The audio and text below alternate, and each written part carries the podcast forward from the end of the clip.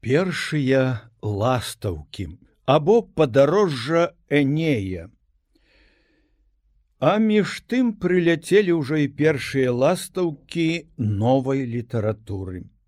У першай палове 19 стагоддзя з'явілася ананімная паэма энеіда на выварат у сярэдзіне стагоддзя паэма тарас на парнасе таксама ананімная яны сведчылі аб тым што літаратура ажывае ад летаргіі.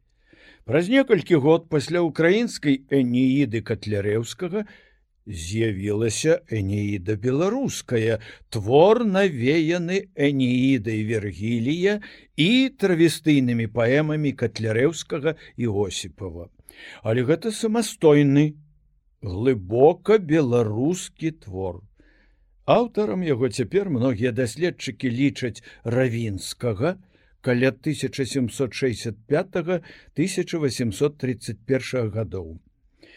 Ураджэнец духаўшчынскай акругі смаленскай губернік удзельнік войнаў 1805 і 1812 гадоў. За барадзіно узнагароджаны залатой шпагай за храбрасць адстаўны палкоўнік напісаў камедыю шлюб міжволі шмат вершаў на выпадак а некаторыя схіляюцца да думкі аб віцебскім паходжанні паэмы і аўтарам называюць мясцовага чыноўніка манькоўскага паэма жывая гарэзлівая дзёрзкая вельмі народная и і по-сапраўднаму смешная. А другая паэма Тарас на парнасе новая, вышэйшая ступень беларускай паэзіі. Герой, палясоўшчык Тарас, служака, якога і пан шануе і пані любіць, ідзе з першымі пеўнямі біццеце рукоў. І уцякаючы ад мядзведзя, тубальтоўка дала сечку, падае ў яму, і трапляе ці то ў рай, ці то ў шчаслівую аркадыю.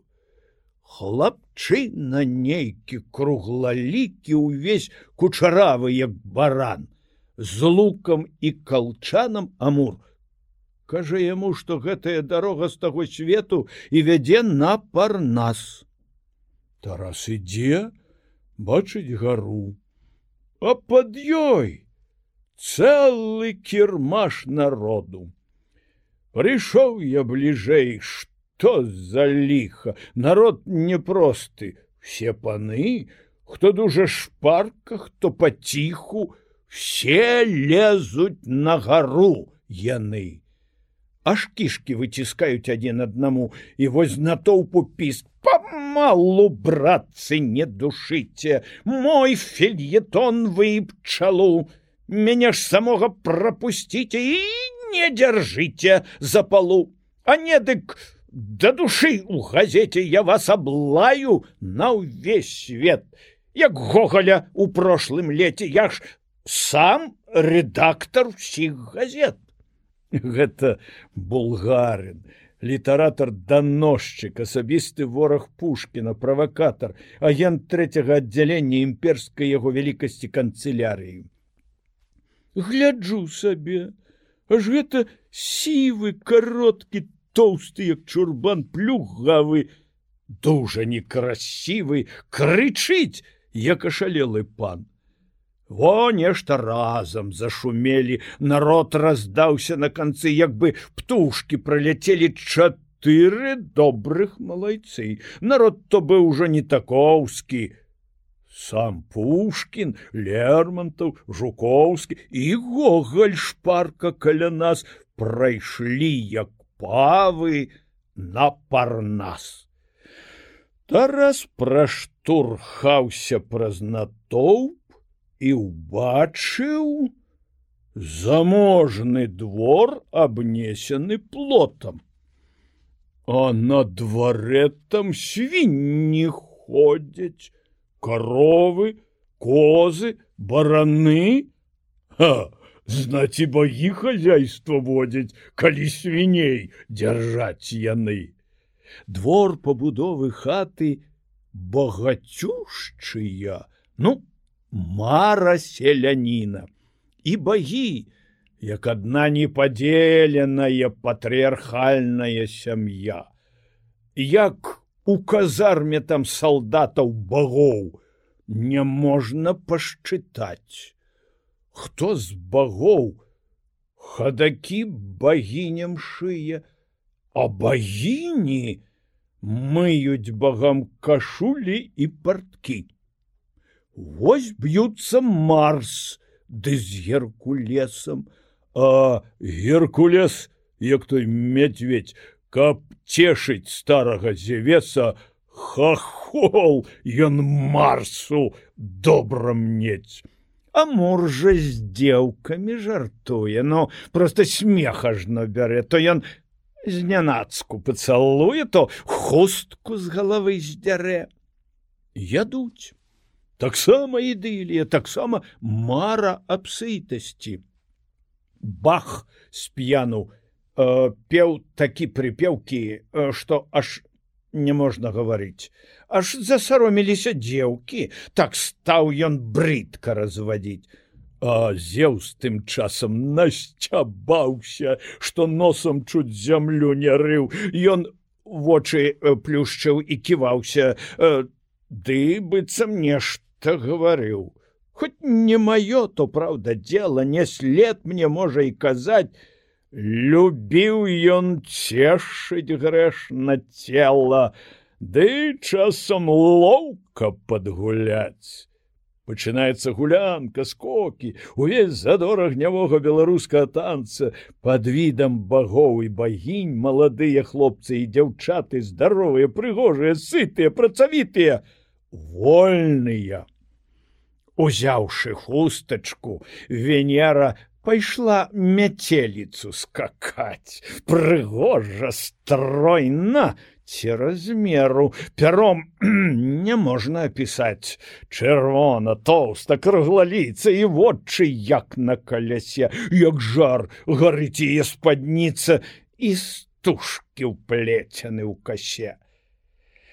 Мара аб ідэале жыцця аб ідэале прыгажосці аб селяніне які скакаў нават лепей за багоў і прымусіў іх здзіўляцца.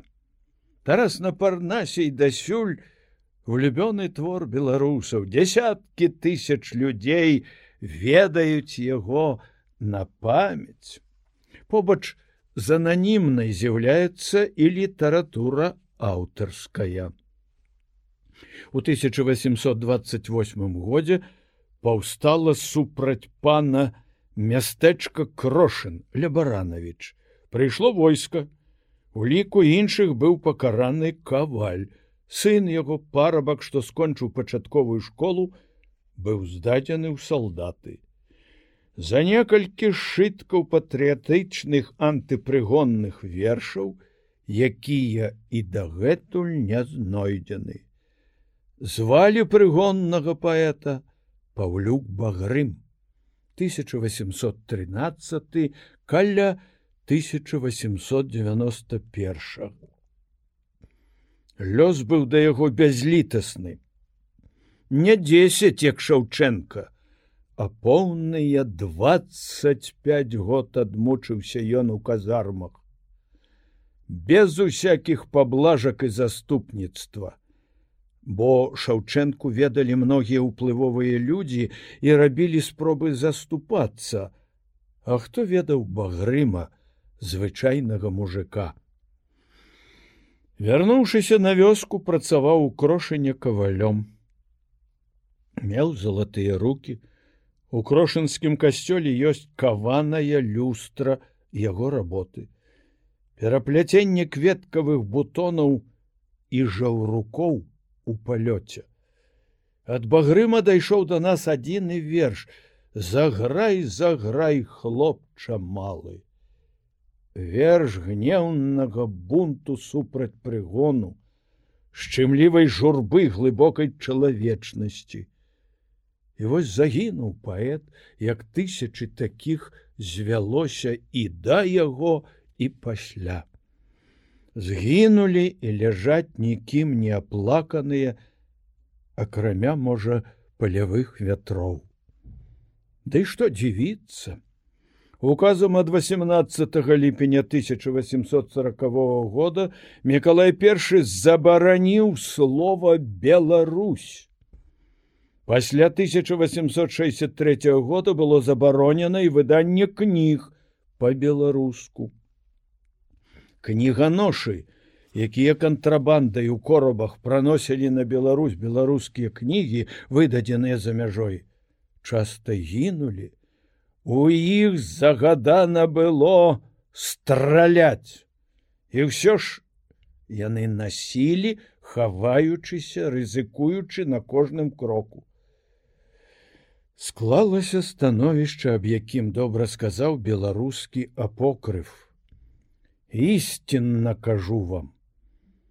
Шчаслівы, хто мае ў дамах сваю кнігу славясы сваімі, І ісцінна яшчэ тое, што хто мае не цэніць, а хто не мае, точыць кроў сваю за слова адзінае.